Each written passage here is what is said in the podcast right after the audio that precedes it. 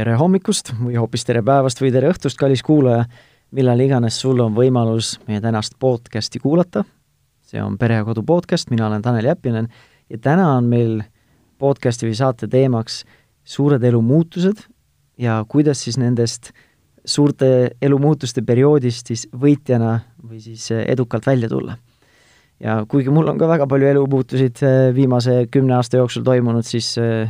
täna ma ei ole õnneks üksinda siin saates sel teemal arutlemas, vaid meil on külaliseks Anneli Kikas. tere, Anneli! tere! ja Anneli lisaks sellele, et ta on ka ema ja äh, siis partner või ma ei tea, kas abikaasa ka? enam mitte kahjuks see meil enne läbi rääkimata, aga, aga siis äh, lisaks sellele on professionaalse poole pealt on ta coach ja koolitaja kes keskendubki just siis selliste isikliku enesearengu teemadele ja inimeste suunamisel või, inimeste suunamisele ikkagi või. ja räägime siis suurtest elumuutustest. Äh, mis see kokkupuutepunkt sul endal isiklikus elus on nende suurte elumuutustega, et kui ma ise võtan üleüldiselt, isegi enda ellu minemata, siis lapsevanemate elus on, võib ikka mustmiljon muutust olla seal, et ongi, et juba see lapsevanemaks saamine on suur elumuutus, siis äh, paljudele, kui on näiteks paar-kolm aastat äh, kodune olnud, siis uuesti tööpõllule minemine või võib-olla elukutse või valdkonna muutmine või muut-, nii-öelda ikka muutmine, see on suur elumuutus, siis on need suhte, suhte, suhetes ja pere dünaamikas muutused on suured elumuutused ja nii edasi, et neid on ikka väga palju. Äh, on, mis sul selline isiklik lugu selle teema kontekstis on? jaa, no nagu me sissejuhatuses juba meil mainitud sai, et siis äh, tegelikult äh, olen ma ka läbi teinud kahjuks isiklikus elus sellise lahkumineku perioodi, mis on kindlasti olnud üks selline üsna suur elumuudatus. Äh, lisaks olen ma ka elukohta vahetanud väga kaugele sellest, kus ma olen olnud, ehk et ma olen vahepeal elanud ühe saare peal kaheksa aastat ja sealt siis tagasi tulnud Tallinnasse. ja loomulikult see lapsevanemaks saamine tõesti, ma ütlen, kinnitan ka omalt poolt, kõik emad, kõik isad teavad seda, et kui laps tuleb perre, siis äh, su elu muutub. ja muutub äh, loomulikult äh, positiivses mõttes, aga ta toob ka ellu teatud selliseid asju, mida, millega sa varem ei ole pidanud arvestama. ja kahtlemata vajab sellist kohanemisvõimet mõlemalt, nii emalt kui isalt ja seda enam, mida vanemal, vanemas eas saadakse laps, seda rohkem võib-olla on ka seda adapteerumist vaja. sest äh, meil on olnud pikalt võimalik iseendale ainult elada ja siis äh, on vaja kohaneda selle väikese uue ilmakodanikuga mm.. No absoluutselt, tegelikult noh, juba nii-öelda elu, kui me püüame inimese elu defineerida, siis eks see muutus käib pidevalt sinna kaasa, et need suured muutused ja seal ongi, millest me tahaks nagu täna rääkida, ongi sellised nagu suuremad elumuutused, võib-olla isegi raputavamad elumuutused, kuidas nendega toime tulla, sest see muutus nii või teisiti käib kogu aeg kaasas, inimesena me areneme ja muutume. kui ma vaatan tagasi äh, näiteks kas või suhete peale, ma olen oma, oma abikaasa, oma naisega olnud koos keskkoolist saati. Meil on vist äkki kaheksateist aastat juba kooselu olnud, on ju, selja taga. ja on väga naiivne arvata, et me oleme samad inimesed, kes me olime siis Äh, me oleme selle jooksul, me oleme ise teadlikult ka nagu rääkinud ja arutanud, ma arvan, et me oleme selle ühe nii-öelda, ühe jutumärkides suhte ajal, me oleme tegelikult päris mitu suhet äh, nii-öelda mm. läbi elanud või üle elanud või siis nagu need on möödunud ja uus etapp, uus suhe põhimõtteliselt, kuigi sama inimesega. ja, ja siis nagu sina rääkisid ka, et see lapsevanemaks saamine minu jaoks isiklikult oli väga suur elumuutus. ja nüüd, kui me võtame viimase elu, viimase aasta elu vaatame, siis äh, kahe tuhande kahekümnenda aasta alguses me müüsime oma perega oma kodu maha, ostsime matkaauto ja läksime Hispaaniasse, et elame nii-öelda kaheteist ruutmeetri peal neljakesi. ja praegu Eestis olles äh, samamoodi, elame matkaautost. Kuigi siis nii-öelda oma vanemate krundi peal, kus me saame veel aida, aeda pidada, kasvuhooneid kasvatada ja nii edasi, aga sellegipoolest, et need elumuutused ja need suured elumuutused, need on need, mis vahepeal nagu äh, ma ei tea, jookseb kokku lihtsalt, ei tea ise ka, et millist suunda võtta, kas on muutust vaja või ei ole muutust vaja ja nii edasi, et et kuidas just nendega hakkama saada mm. -hmm. ja võib-olla alustakski sealt, et kust nagu üldse aru saada, et on vaja suurt muutust, sest vahepeal nagu lihtsalt on stress või on pinged ja see et kus nagu aru saada, et see on lihtsalt loomulik elu osa ja kus siis hakata mõtlema selle peale, et äkki oleks vaja mingeid muutusi teha, et see ei ole päris okei okay või see ei ole normaalne või see ei ole loomulik? no tavaliselt ikkagi natukene nagu aeg mängib ka rolli, et et kui pika perioodi jooksul me tunneme seda rahutust, mis meie sees tekib, sest äh, tavaliselt me ikkagi hakkame muudatusi tegema mingisuguse rahu, rahutu, rahutu mõtte või mingisuguse sellise tunde ajel. sellepärast, et äh, kui meil on kõik hästi, kui meil on kõik nii-öelda paigas, tasakaalus, siis äh, see ju sobib meile. me ei hakka lihtsalt muutma midagi sellepärast, et, et midagi muuta. me hakkame muutma siis, kui me tunneme tõesti rahulolematust ja, ja, ja me saame tegelikult ise oma sisetunde ajal aru sellest, kas see on midagi, mis, mis läheb ajapikku üle või siis on midagi sellist, mis tegelikult vajab sellist äh, muudatust, vajab mingisugust sekkumist. ja, ja eks noh, ütleme, et mida vanemaks inimene saab, seda, seda kogenumaks ta iseenda suhtes ka muutub, ehk et me tunnetame iseennast tegelikult väga hästi ära. Ja ka seda, millal me peame tegutsema ja millal mitte. ehk et äh, mina julgen seda öelda, et teine inimene kõrvalt, ta võib äh, anda oma vaate sulle aga teine inimene ei saa sulle kunagi öelda, et kuule, nüüd hakka muutma midagi. nõus, miks, miks ma küsisin, on see, et äh, väga paljud uued asjad meie elus, näiteks kui ma vahetasin ise töökohta või karjääri ja töötasin pikalt välismaisele tööandjale, siis tulin Eestisse tööle ja see on minu kogemus, aga ma olen seda kuulnud nagu korduvalt ja korduvalt oma tuttavatelt ka, et kui keegi läheb uuele töökohale, siis on samamoodi nagu suhtes väikene selline mesinädalate periood, kus tõesti see on ideaalne asi, ma tunnen, et ma saan ennast teostada, ennast tõestada äh,, saan ise sealt vastu ja see on just see, mida ma tahan teha ja see on selline mingi ikkagi mingil määral nagu selline mesinädalate periood ja siis ma näen poole aasta pärast sedasama inimest või aasta pärast sedasama inimest mis on täpselt samad asjad, mis olid eelmises töökohas, täpselt samad väljakutsed, täpselt samad mingid kitsaskohad või isegi mitte täpselt, aga ikkagi sarnased asjad. ja samamoodi suhetes ka, et sa alguses saad selle väikese beebi sealt kuskil seitsmendas taevas, noh, sealt sagedasti tuled võib-olla kiiremini alla kui aasta pärast, sest see, see elu muutub nii palju, või suhetes samamoodi, et äh, algus on see mesinädalate periood, aga siis nagu normaliseerub see aga kas see on siis jälle piisav selline asi, et nüüd hakata uuesti muutma uut töökohta, uut suhet võt-, vaatama, või siis see on selline normaalne muutustega kaasas käiv selline kohanemine või siis selline, ma ei tea, kas ikka tulevad mingid nurgad või mingid raskused välja, et igal pool iga sellise märgi peale jälle mujale joosta, see ka võib-olla ei ole päris õige, et kus seda nagu, kus on, ma, ma ei tea, kas sul, ma ei ootagi, et sul on lõplik vastus olemas, aga kus on selline nagu balanss, et kus on nagu okei okay, ebamugavus, ebamugavust tunda, sest see ongi mingil määral nagu selline liikumises või arenguks vajalik,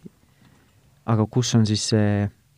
need raskused ja see stress nagu üleliigne. et ei olegi see, et kas sa ütled õige vastuse, mis on nüüd, nüüd see koht on, aga mis on need suunavad kohad, kus inimene ise saaks endasse vaadata vot jällegi, et me, ega me oleme tegelikult ju inimestena üsna sellised mugavad, elukad, et eks meile meeldib äh, tihti seal mugavustsoonis äh, istuda ja olla, sest et äh, tore on ju ka ja ja iga muudatus on ju sellisest mugavustsoonist väljatulek. nüüd on küsimus selles, et kui hästi sa tunned ennast selles mugavustsoonis, et jaa, ma olen nõus sellega, et tõesti alguses äh, me pingutame, ükskõik, kas see on, noh, ühesõnaga ükskõik, mis asi, mingisugune uus situatsioon on, me ikkagi proovime anda ennast parimat ja näidata ennast võib-olla parema inimesena, vähemalt näidata oma häid külgi rohkem. ja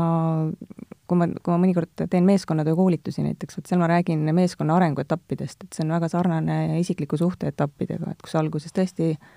saadakse kokku, väga hästi ei tunta veel üksteist, tundub kõik ilus, tore ja siis järgmine faas, kui juba usaldus kasvab, siis tuleb see nii-öelda see piiride paikapanek ja iseenda koha väljavõitlemine, kus tekivad siis sellised esimesed no kas tülid või sellised arusaamatused ja nii edasi, edasi. see kõik on väga normaalne. ja pärast sellist no arusaamatuste etappi või kus on kõik nii-öelda omavahel paika saadud sellel hetkel, siis tekib alles see nii-öelda see mõnus, turvaline tunne, et vot nüüd on, nüüd on mõnus, nüüd on, nüüd on äh, hea tegutseda. see on nii tööalaselt kui, kui, kui kodus ja, ja tegelikult vot kui meil on, kui me ise tunneme, et me oleme sellised tegusad ja meil töö, tööl läheb hästi, kodus läheb hästi, siis, siis tegelikult vot see sisetunne ongi see, mis, mis sulle ütleb, et tee seda nii, nagu sa praegu teed ja ära mõtle selle peale, et, et oi, et mul on viis aastat juba sama asi olnud. kui sa oled rõõmus ja rahul, siis see ongi see märk, et kõik on hästi aga vot, kui sa ei ole rõõmus ja rahul, kui sa tunned mingisugust sellist äh, pidevat kripeldust, et ikkagi see pole päris see, mida ma tahan, see, ma ikkagi tahaks midagi muud, siis, vot siis tasub nagu natukene võib-olla rohkem sügavamalt endasse vaadata, et mis asi see siis on, kust kohast see tuleb, see rahulolematus. sest äh, sa pead ise äh, selle üles leidma enda seest ja vot see, see on ka see, millega me coaching ute äh, sessioonidel tegeleme palju, inimene tuleb, ütleb, et äh, tahaks midagi muud, aga ma ei tea. Ma ei tea, mis asi see on, aga ma ei ole rahul. vot siis ongi, coach'il on küsimused selleks, et, et hakata siis natukene nagu, et saada aidata teda natukene vaadata endasse mm,. siin on juba nii palju kohti, kus ma tahaks kinni haarata ja natukene arutleda, et juba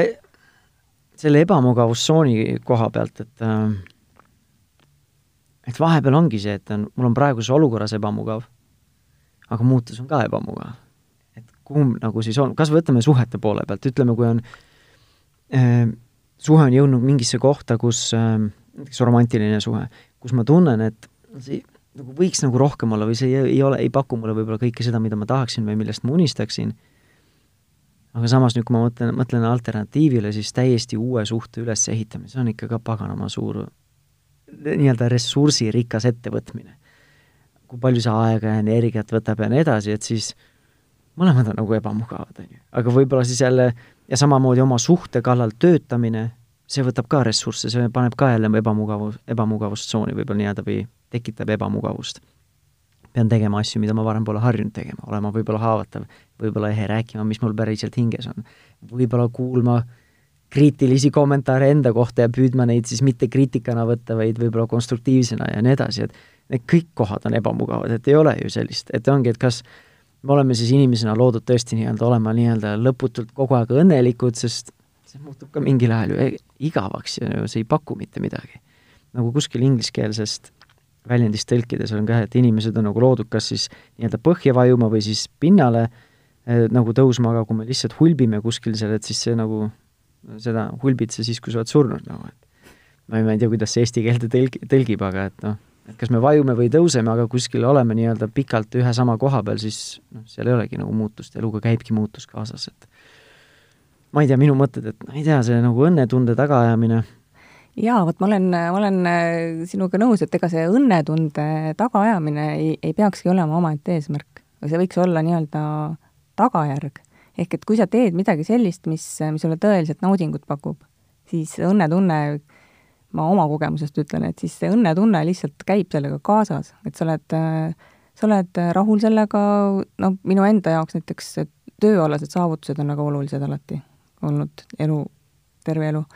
ja, ja kui ma tunnen, et ma teen sellist tööd, mis mulle tõesti rõõmu ja naudingut pakub, mida mulle meeldib teha, siis, siis see ongi, see, see, see rõõmutunne tulebki kaasa sellega, ehk et ma ei aja mitte rõõmutunnet ja õnnetunnet taga, otsides siis erinevaid suundi, vaid, vaid pigem ongi see, et, et ma saan, ma tunnengi mõnusalt, tasakaalukalt ja enesekindlalt ennast, kui ma teen midagi, mida ma väga hästi teen, mis mul tuleb hästi välja. ja, ja noh, ega see ebamugavustsoonis äh, jaa, ei pea, kui sa, kui sa siin neid isiklikke suhteid tõid, tõid näitena, et siis, siis tegelikult kui nüüd suhe näiteks on mingisugusesse sellisesse faasi jõudnud, kus sa tõesti tunned, et no ei ole enam, ei ole see. igas suhtes tekib neid, neid perioode ja, ja siis tegelikult on kõik psühholoogid räägivad ühte sama juttu, tuleb rääkida omavahel, mis meil on vahest väga keeruline. ja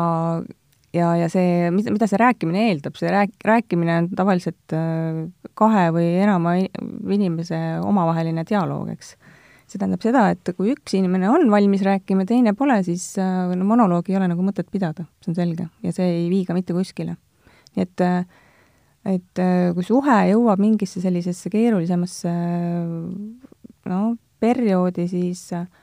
siis tuleb kõigepealt, noh kindlasti see tuleb jutuks võtta ja siis tegelikult peaks nagu aru saama sellest, et kas mõlemad pooled on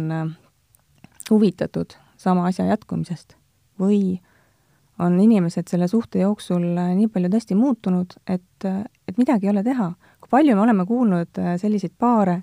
kes on omavahel lahku läinud, kes ütlevad pärast, et aga me lihtsalt kasvasime lahku. ehk et me muutusime inimestena nii erinevateks, et meil ei olnud enam neid ühiseid siduvaid osi nii palju. ja see on täiesti normaalne tegelikult, sest me ei saagi eeldada seda, et me oleme kahekümneaastaselt samasugused inimeselt kui kolmekümneaastaselt või neljakümneaastaselt. no see lihtsalt ei ole võimalik, sest meie kogemused annavad oma osa sellesse, keskkond, kus me oleme mingeid asju läbi kogenud, annab oma osa sinna, sellesse muutusesse. nii et, et kui keegi väidab, et ta on täpselt sama inimene nii kolmekümneselt kui viieteistaastaselt, siis ma siiralt kahtlen selles. see ei ole võimalik. Ei, ma nõustun sellega ja ei taha nagu sellesse suhetesse praegu kinni jääda, aga mõtlen lihtsalt, et vahepeal nagu võib-olla see ei pea nagu ära jooksma sellest ebamugavusest. võib-olla lihtsalt nagu vastu võtma seda ja mina ei tea, nagu aktsepteerima seda ja võib-olla õppima isegi ma ei tea, ebamugavuses ennast mugavamalt tundma, et see on okei okay.. ebamugavus on ju tegelikult väljakutse. nagu iga, iga arenguga käib kaasas ju see, et ongi, vaata kas või sport, spordis, no sa pead enda kehale ja vaimule ikkagi päris palju stressi peale panema. natuke valus olema. et, et kasvada ja et areneda ja samamoodi ka ükskõik millised isiklikud arengud või need perioodid meie elus olnud, et siis noh, mina tea, see areng tulebki läbi selle ebamugavuse, et ei saa sellest nagu eemale ju joosta. jah, me peame ja sa võid, mis sa tahtsid öelda? ma lihtsalt tahtsin öelda seda, et me peame teatud aukudest läbi käima selleks, et jälle mäest hakata üles ronima. nii, no nüüd, kui me võtame praktiliselt, mida see nüüd tähendab nüüd selle, ütleme näiteks lapsevanema elus mingi, mingi etapp, see lapse, lapse saamine, need esimesed paar aastat, need on nagu keerulised paljudele, mitte kõigile, mõnele lihtsam, mõnele raskem, mõnele on lihtsam äh, äh iseendaga hakkama saada, aga näiteks paari suhte, suhtes tulevad mingid väljakutsed välja, mõnel vastupidi ja eks neil, meil võivad kõigil erinevad väljakutsed olla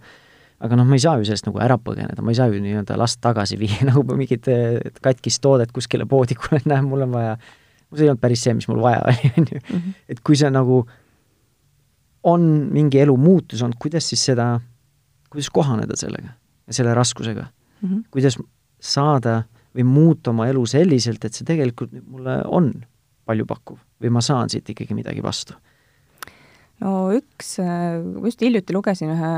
ühte Harvard Business Review artiklit äh, sellisest positiivsusest ja see oli äh, ka sellise kliinilise psühholoogi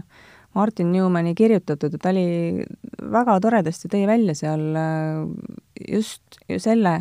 mis siis nii-öelda, miks on ikkagi positiivsuse säilitamine oluline sellistes keerulisemates perioodides elus. ükskõik, kas see on siis lapse saamine, või see on midagi sellist, mida me hiljuti siin kõik läbi kogesime, mis iganes, eks. et äh, tegelikult äh, on, on siis nii-öelda uurimused ka tõestanud seda, mis ei ole ju üllatus, et äh, need inimesed, kellel on sellist optimismi ja positiivsust ja kes seda teadlikult oskavad hoida endas, need saavad ka sellistest keerulisematest perioodidest paremini nii-öelda üle. ja, ja mida ta siis seal artiklis nii-öelda soovitas, oli oli võib-olla ka see, millega ma sada protsenti nõustun, et kui see, ükskõik kui keeruline see olukord on, et äh, otsi ja näe kasu sellest iseenda jaoks. et, et okei okay,, me satume keerulisse olukorda, aga väga paljud inimesed selles keerulises olukorras hakkavad äh, jube palju aega kulutama selle peale, et äh, et siis mõelda neid mõtteid, et oi, et mu elus on kõik, hakkab kiiva kiskuma, ikka läheb nii valesti ja nii edasi ja nii edasi. ega nad keskenduvad jamale keskenduvad negatiivsusele. ja ma arvan, et enamus inimesed nagu nõustuvad sellega, et nagu me saame aru sellest intellektuaalselt, et nagu ei ole mõtet kurta ja halada kogu mhm, aeg, vaid on mhm. vaja natukene seda tasakaalustada, aga samas nagu ma ei tea, noh, tegelikult on ju aja, aju-uuringud on näidanud ka, et inimese aju keskendubki rohkem negatiivsele, sest see aitab paremini ellu jääda või tõstab tõenäosust ellu jääda, kui ma keskendun sellele, mis on halvasti või mis on negatiivne mu keskkonnas, mu ümber, sest see võib potentsiaalne oht olla et sellele nagu aju kipub rohkem keskenduma. samas nagu lihtsalt öelda kellelegi, aga ole positiivsem, et siis on nagu mida, come on, nagu mis sa tahad ja ma vaatan nüüd peeglisse, ütlen, ma armastan ennast, ma armastan oma elu, aga siis tegelikult tuleb kuklas nagu, kurat, ei armasta ju. mul on rõve, mul on raske praegu, ma vaatan peeglisse, mulle võib-olla ei meeldi see inimene isegi, kes mulle otsa vaatab. no see on muidugi teine teema siis mm, -hmm. millega tegelema peaks. aga mulle nagu, et ongi, mis on sellise nagu ma ei tea, naiivse sellise positiivse mõtlemise ja sellise optimismi vahe, et kuskil ma kuulsin ka, et, et noh, ma ei tea, näiteks, et üks optimism, opt-, üks, üks näiteks vaatab seda, et näed, vihma sajab, mulle see ei meeldi, aga samas vihm on vajalik, see on, näed, mis iganes, näed, see kasvatab meil loodustaimi, saame süüa kasvatada, et tegelikult näha nagu midagi sellist ja teine ütleb, et näed, vihma sajab, aga siis proovib ennast veenda, et tegelikult ei saja ju, tegelikult ei ole ju raske nagu mm, -hmm. või tegelikult mulle ju meeldib see või et eh, kuidas siis olla siis optimistlikum rohkem, et on mhm. mingid sellised praktilised asjad Eh, millest saame kinni haarata nagu? no vot, küsimus ongi tegelikult eh, eelkõige sinu enda mõttemustrites. see saab jälle alguse sealt, eh, kus sind on kasvatatud, kuidas sind on kasvatatud ja nii edasi. ehk et tegelikult meil on võimalik seda, seda nii-öelda mõttemustrit oma peas muuta ja jälgida oma mõtteid, sest fakt on see, et loomulikult, kui meil tekib selline keeruline olukord, kes meist ikka kohe niimoodi hurraa hüüab ja ütleb, et jess, et nüüd see on minu jaoks just selline koht, kust õppida ja nii edasi, muidugi me ei taha sinna sattuda. aga me satume paratamatult, isegi ükskõik kui hästi me plaanime oma elu, ikka me satume nendesse raskustesse, sest tulevad ootamatused äh, ette ja midagi ei ole teha.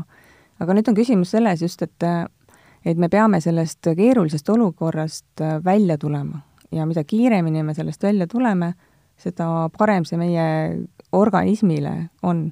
sest me kulutame tegelikult oma energiat sellele, kui me mõtleme neid äh, negatiivseid mõtteid ja, ja, ja keskendume sellele, kui halvasti nüüd läks. ehk et äh, ma ikkagi ütleks seda, et äh, ma ei räägi sellisest naiivsest positiivismist, vaid pigem sellest, et et jälgida oma mõttemustreid ja, ja mitte takerduda sellesse negatiivsesse, vaid kui midagi juhtub, et siis tegelikult proovida hakata tegutsema kohe. kas või selliseid väikseid pisikesi samme astuma mida ma saan selleks äh, teha, et nüüd sellest keerulisest olukorrast võimalikult kiiresti hakata taastuma, välja tulema. ja need võivad olla väga väiksed sammud, aga need, sa pead nagu liikuma hakkama, sa pead astuma hakkama, sa pead äh, otsustama, et äh, nüüd sellest hetkest alates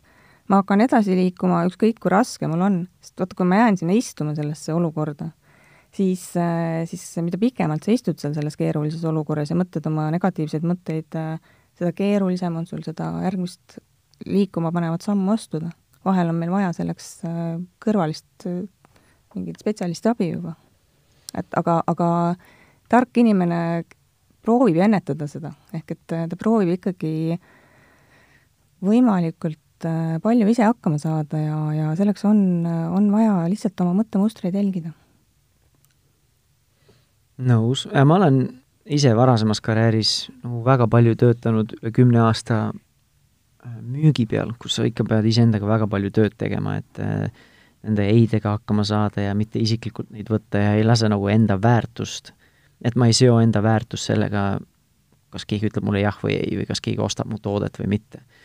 Ja üks asi, mis ma olen märganud, mis minu puhul on töötanud ja nüüd, kui ma olen lapsevanematega rääkinud ka, siis on äh, ja seda võib samamoodi teha hästi puiselt, aga et see tõesti nagu, seda mõju nagu tunda, et siis püüdagi olla tänulik nende asjadele, mis sul juba on olemas, et selle asemel, et mõelda nendele, mida sul ei ole või mis on valesti, et lihtsalt vaadata ja kogeda seda tänulikkuse tunnet nende asjade eest, mis, mis on tegelikult hästi. On... sinu enda juures, sinu suhetes, sinu peres, mis iganes, kas või materiaalsete asjade puhul siis, mis sul on võimalik lubada endale. aga ja seda võib alguses kas või tehagi täiesti puiselt, lihtsalt panengi nimekirja kirja, mis on need asjad, mis minu elus hästi on, mille üle ma õnnelik olen, mis mind, mis mulle rõõmu pakuvad.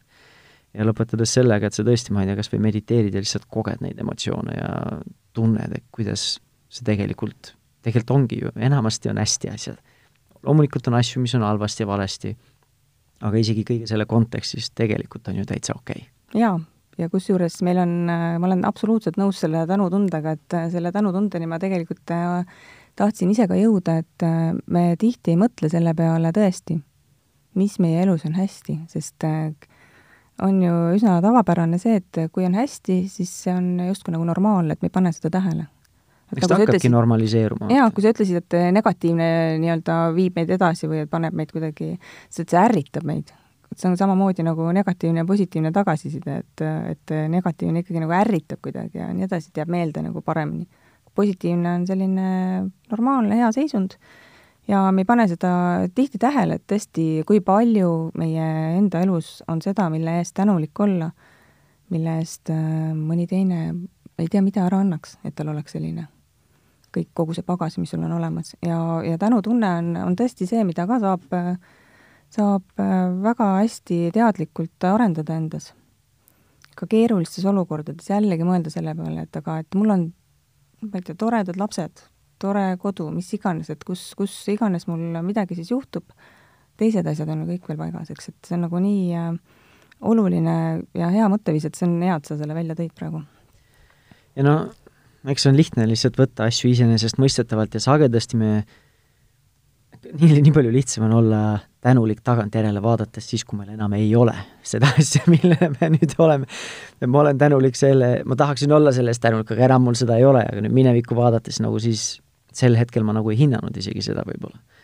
ja noh, teine asi, mis ma ise tunnen, et ma olen olnud teatud perioodidel oma elus ikkagi väga-väga karjäärile ja oma nii-öelda sellele professioonile nagu orienteeritud just selle puhul, et ma seon, olen sidunud liiga palju eneseväärtust sellega,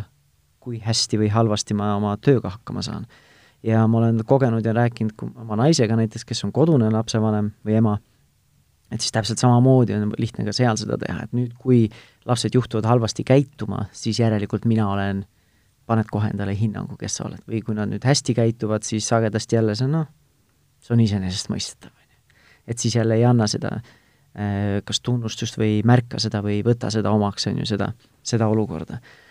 et ma nagu tunnen, oma mõtisklustes olen äh, jõudnud sinnani ka, et et võib-olla ei ole nagu oluline, võib-olla ei ole väga vajalik oma väärtust hinnata või siduda sellega, mis on välises meie keskkonnas. et ma olen väärtuslik lihtsalt sellena, kes ma olen inimesena. et see on see, see on see, mis annab mulle väärtust, et ma olen see, kes ma olen, mitte see, mida ma teen alati, sest vahepeal noh, vahepeal me teeme valesid valikuid või halbasid valikuid, vahepeal me käitume kehvasti. sest ei ole ressursse, võib-olla ise ka ei mõelnud oma tagajärgedele ja nii edasi, et siis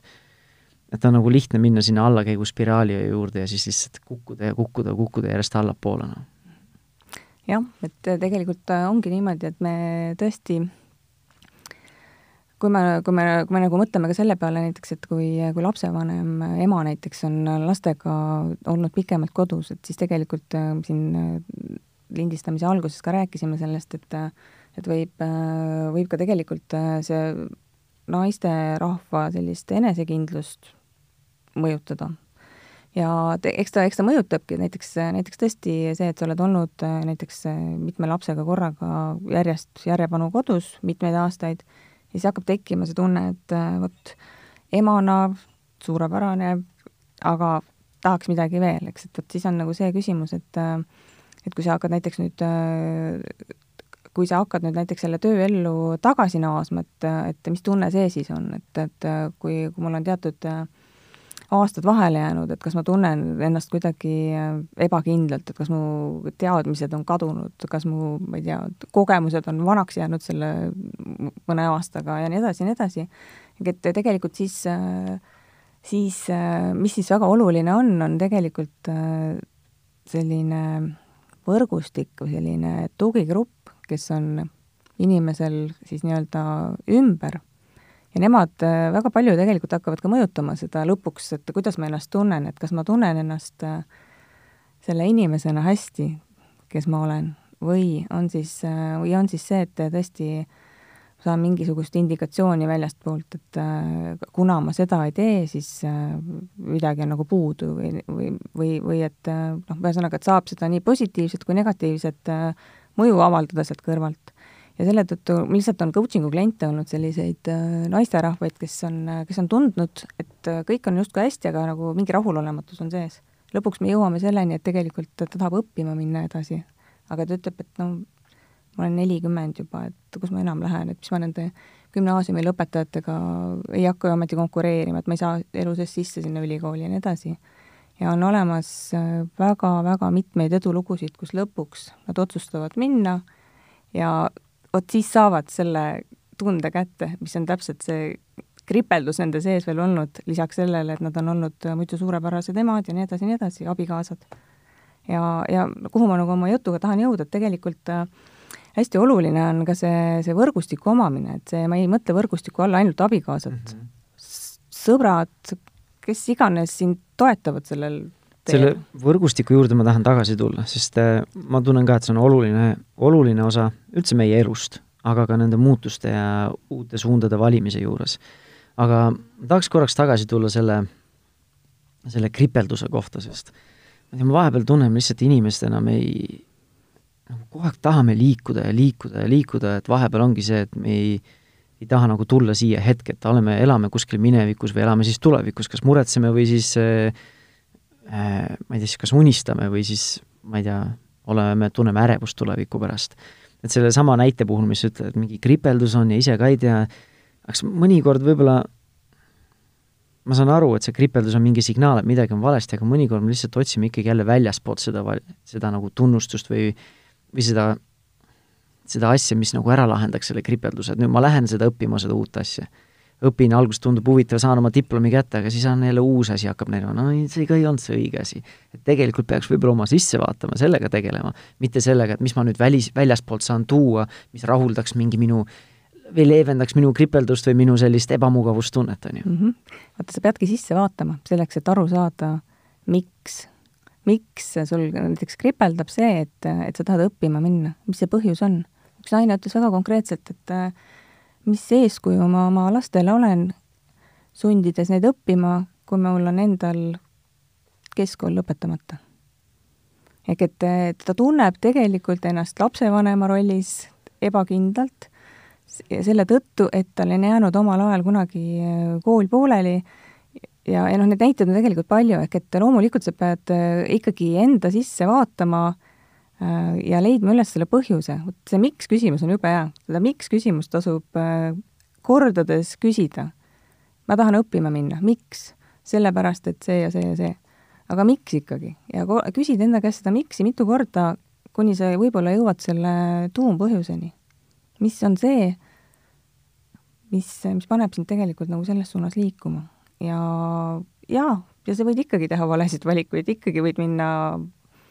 õppima midagi, mis sulle ei meeldi ja nii edasi, aga sa vähemalt äh, tegutsed. ma ei mõtle sellist arutut rapsimist ühes suunas, teises suunas, aga pigem sellist liikumises olemist. selle asemel, et äh, istuda kodus ja mõelda, et küll on kahju, et ma ikka ei läinud õppima.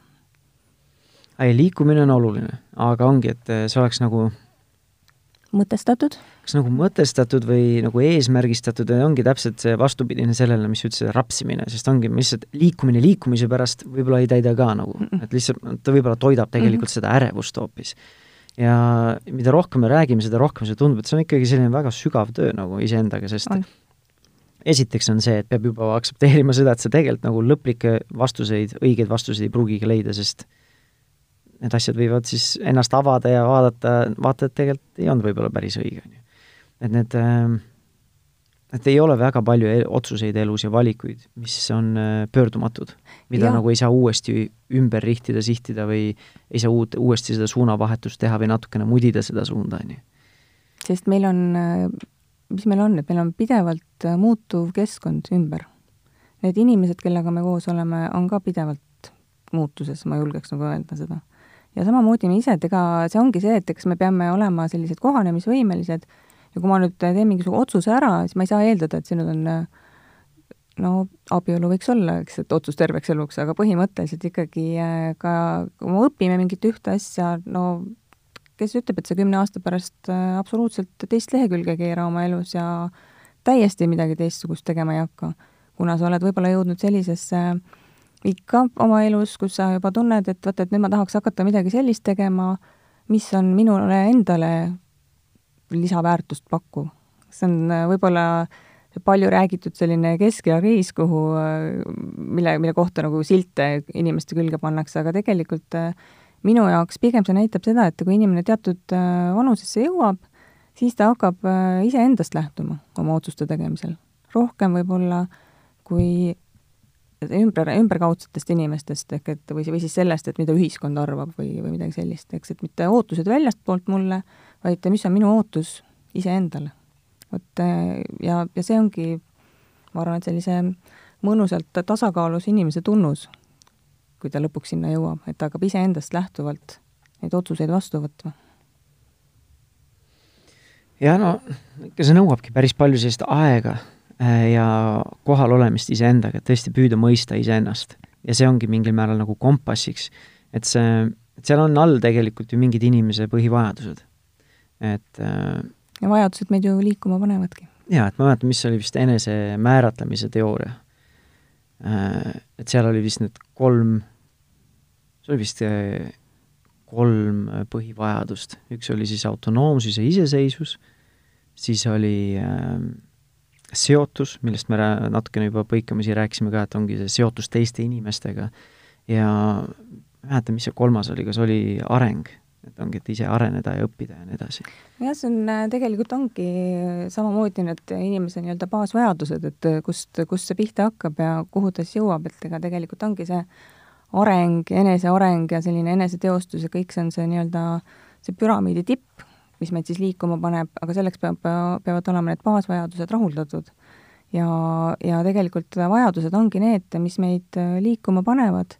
ja mis meid siis sunnivad mingisuguseid otsuseid vastu võtma ja nii edasi. ehk et kui ma tunnen seda kripeldust nii-öelda, millest me oleme siin juba täna korduvalt rääkinud, siis ma pean tõesti endasse vaatama, et millest see tuleb, et kas, kas see, mis asi minu vajadustest on siis nii-öelda tasakaalust väljas kas see ongi äkki eneseteostuse pool või on mingisugune enesearengu pool või ma ei tea, turvatunne, mis iganes võib olla. inimestel on erinevad vajadused tasakaalust väljas. Ja see on see, mis tekitab rahutust ja mis paneb siis meid liikuma mingis suunas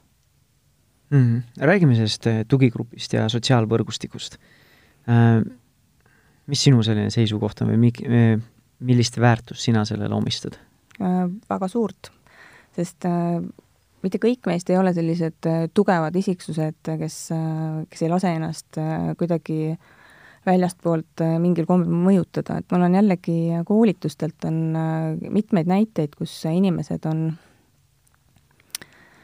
inimesed on tulnud sellisest perekondlik, perekonnast, kus nad siis hakkavad natuke nagu eristuma sellest üldisest massist seal suguvõsas, et näiteks, näiteks oli üks konkreetne näide, kus üks naine äh, ütles, et nende suguvõsas ei ole olnud selliseid äh,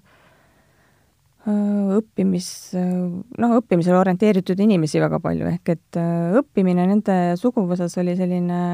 noh, mitte nii oluline teema ja kui tema siis oli see, kes hakkas eristuma sellega, et tema tahtis edasi õppima minna, siis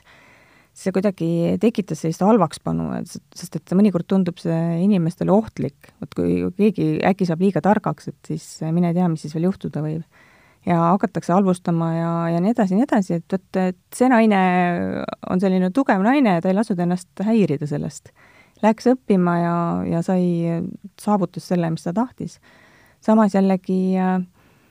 Mm, ma kuulsin ka hiljuti äh, ühte teist, teistpidi lugu jällegi, üks naine jagas oma kogemust, äh, kuidas tema suguvõsas olid äh, sellised inimesed, kes kõik olid midagi saavutanud, noh, erinevates valdkondades. Ja iga kord, kui sellised kokkutulekud või sünnipäevad olid, siis ta iga kord istus seal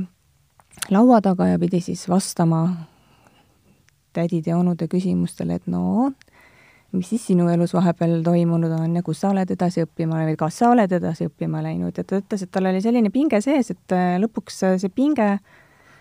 ei lasknudki tal kuhugi edasi õppima minna. lõpuks ta läks isegi välismaale ära, õppis seal ameti selgeks, nüüd on tagasi Eestis ja väga tore, tark noor naisterahvas. aga et, et see võrgustik on oluline, et, et see, see toetus on oluline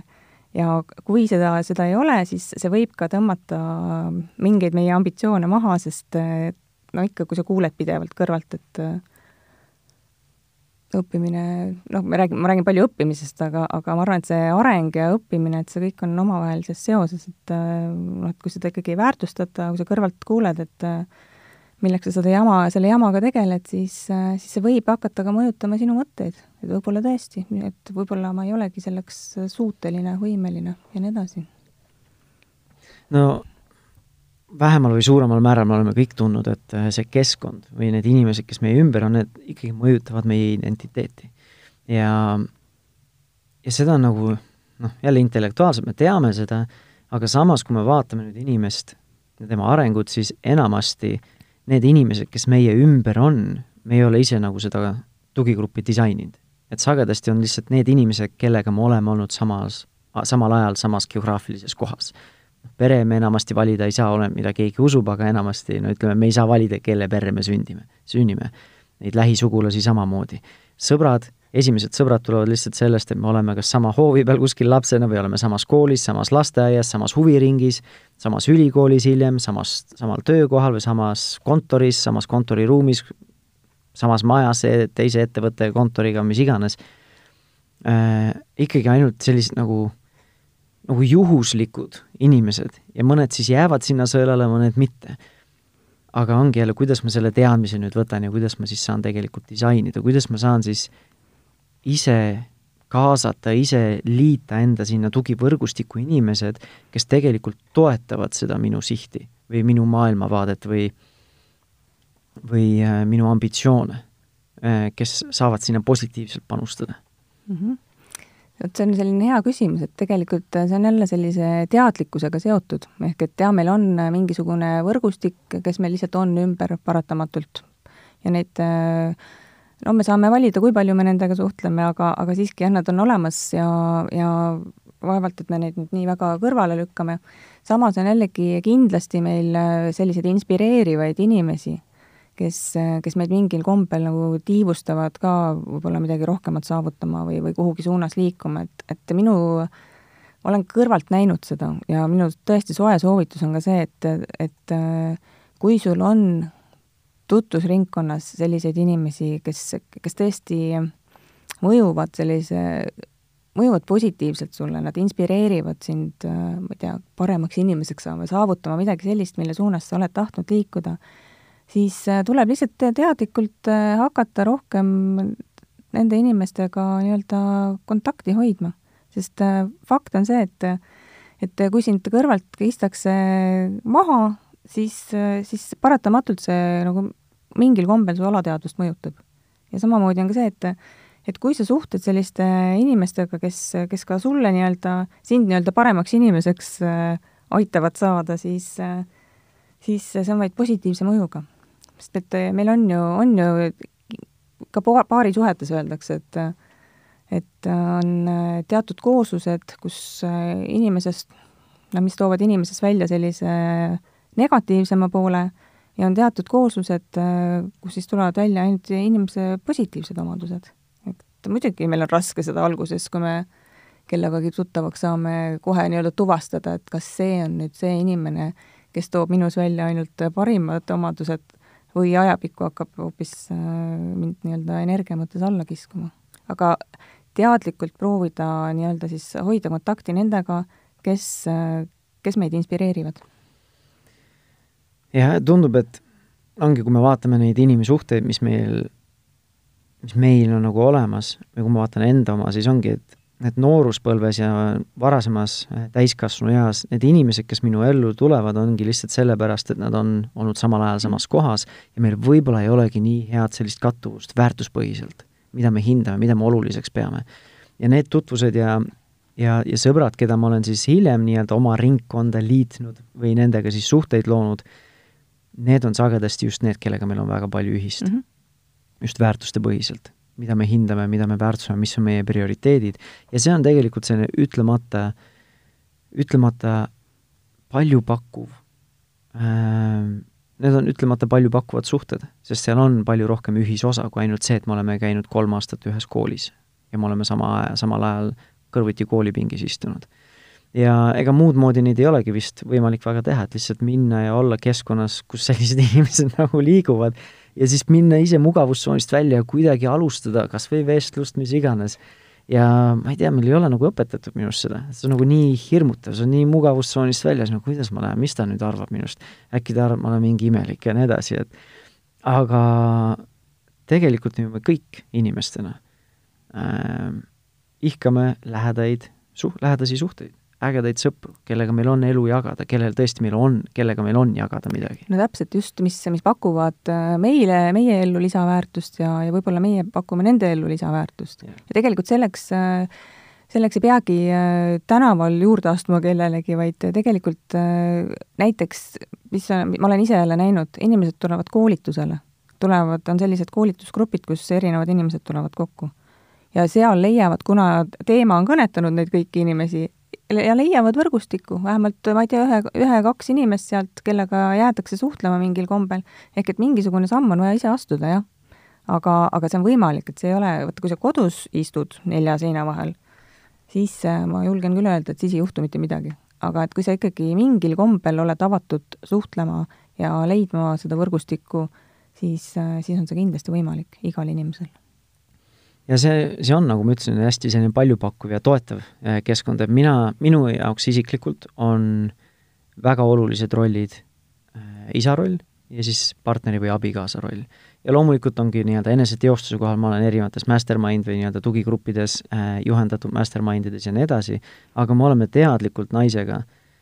äh, loonud suhteid teiste paaridega, kes suhtuvad paari suhtesse teadlikult ja tahavad areneda ja, ja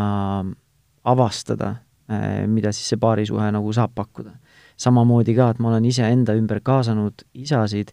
kes on nagu super inspireerivad, kelle poole ma vaatan ise ka, et nagu super äge isa, et ma tahaksin veel rohkem nendega koos aega veeta, püüame ma ei tea, klapitada neid kalendreid, et saab vahepeal võib-olla paar päeva kuskil siin-seal puhata, siis saab võib-olla üks-ühele kuskil, ma ei tea, baari minna ja rääkida nii-öelda sügavamatest teemadest, mitte lihtsalt spordist ja nii edasi et äh, see võtab nagu aega, energiat, aga samamoodi see nagu loob mingi sellise ägeda suhtedünaamika või sümbioosi, kus tegelikult kõikidel osapooltelt on võita. aga mingit investeeringut ja panust nagu nõuab äh, ette või siis nagu selle suhte hoidmiseks ka. jaa, investeeringut nõuab, aga sa saad tagasi ka väga palju. ja see on ka, see on ka natuke seotud sellesama positiivsusega, positiivset energiat ja positiivset sellist mõttelendu, häid ägedaid ideid nii, me oleme päris palju erinevatest teemadest rääkinud, kui me hakkame nüüd tasapisi neid otsi kokku tõmbama, et rääkisime erinevatest suurtest muutustest, kuidas siis püüda aru saada, millised on siis väärt neid suuri raputusi ja millised on siis normaalsed äh, eluraskused või sellised, mitte raskused, aga ikkagi nagu väljakutsed võib-olla äh,. ja, ja kuidas siis endaga tööd teha. ja kuidas siis seda tugigruppi enda ümber kaasata. tahad sa veel midagi, Anneli, siia lõppu lisada või midagi rõhutada? Mis jäi märkimata või ei saanud piisavalt tähelepanu? no ma arvan, et tegelikult äh, me, laias laastus sai kõik ära öeldud, et võib-olla tasubki siis endal meeles hoida seda sellist äh, tänulikkust ja tänu, tänutunde olemasolu ja samamoodi ka tegelikult mõelda selle peale, et ükskõik, äh, mis samme sa elus otsustad ette võtta, siis teised kõrvalt võivad jagada oma kogemust sulle, võivad sulle Äh, rääkida oma lugusid, aga pea meeles ühte asja, see konkreetne asi on sinu esimene samm, nii et äh, ära lase ennast mõjutada kõrvalt, sa võid kuulata neid lugusid, aga ole julge, tee neid samme, kui sa tunned seesmiselt, et on vaja liikuda kuhugi suunas. jah, ja omalt poolt ka, et eks see elu käib elu muutustega käib kaasas teatud ebamugavustunded, aga nagu elu ei pea alati hullult raske või ropult raske olema, hull mingi vaev ja selline kannat-, kannatuste rada nagu, aga samas nagu ei saa nagu eemale põigelda kõikidest nii-öelda ebamugavusttunnetest või raskustest ka, et kuidagi ise leida, vaadata, mis on see, mis on see okei okay tase ja mis on võib-olla see liigne või toksiliseks läheb juba see pinge või see tase nagu. vot, aga suur-suur aitäh, Anneli, sulle, et sa tulid siia kui keegi teine või need kuulajad vaatavad ka, et said mingit inspiratsiooni, mingeid mõtteallikaid ja tahaksid võib-olla veel rohkem süviti minna, äh, on sul endal koduleht või kus nad sinu kohta üldse rohkem informatsiooni äh, saavad, et mida sa siis teed coach'i ja koolitajana selle enesearengu valdkonnas? jaa, meil on selline tore rühmitus nagu KAH-grupp, nii et mulle võib kirjutada anneli.kah.ee, võib üles otsida Facebookist Anneli Kikas kahe K-ga või siis vaadata meie kodulehte kah.ee, sealt leiate kõik kontaktid üles, nii et olete väga-väga teretulnud minuga suhtlema. mis see kah tähendab kah on nelja inimese eesnime esitähe nii-öelda selline lühend. okei okay.. nii et see et tuli inimestest. inimestest. hashi on lõpus? kaks haši on lõpus okei, selge nii et kah punkt ee ja, ja suur aitäh kutsumast ja aitäh kuulajatele! Aitäh sulle ka ja sulle ka, kuulaja, suur aitäh, et sa võtsid aega, et täna meiega siis kaasa mõelda või mõtiskleda. Ja kui see tänane teema ja podcast läks sulle korda, siis kindlasti jaga seda oma tuttavate sõpradega, sõbrannadega ja kindlasti vaata ka meie varasemate saadete arhiivi, sest meil on varsti juba üle saja saate avalikustatud, küll räägime suhete teemadel, isikliku arengu teemadel, lapsevanemaks olemise teemadel ja nii edasi, ja sa leiad kõik need varasemad saated kas oma podcasti rakendusest, nutitelefonist või siis Spotify'st või Delfi ning Perekodu veebiväljaandest. ja kui sa juba oled suur podcasti kuulaja, siis kindlasti vaata ka minu sooloprojekti Rahumeelse vanemluse podcast. aga aitäh kuulamast ja järgmise korrani, tšau!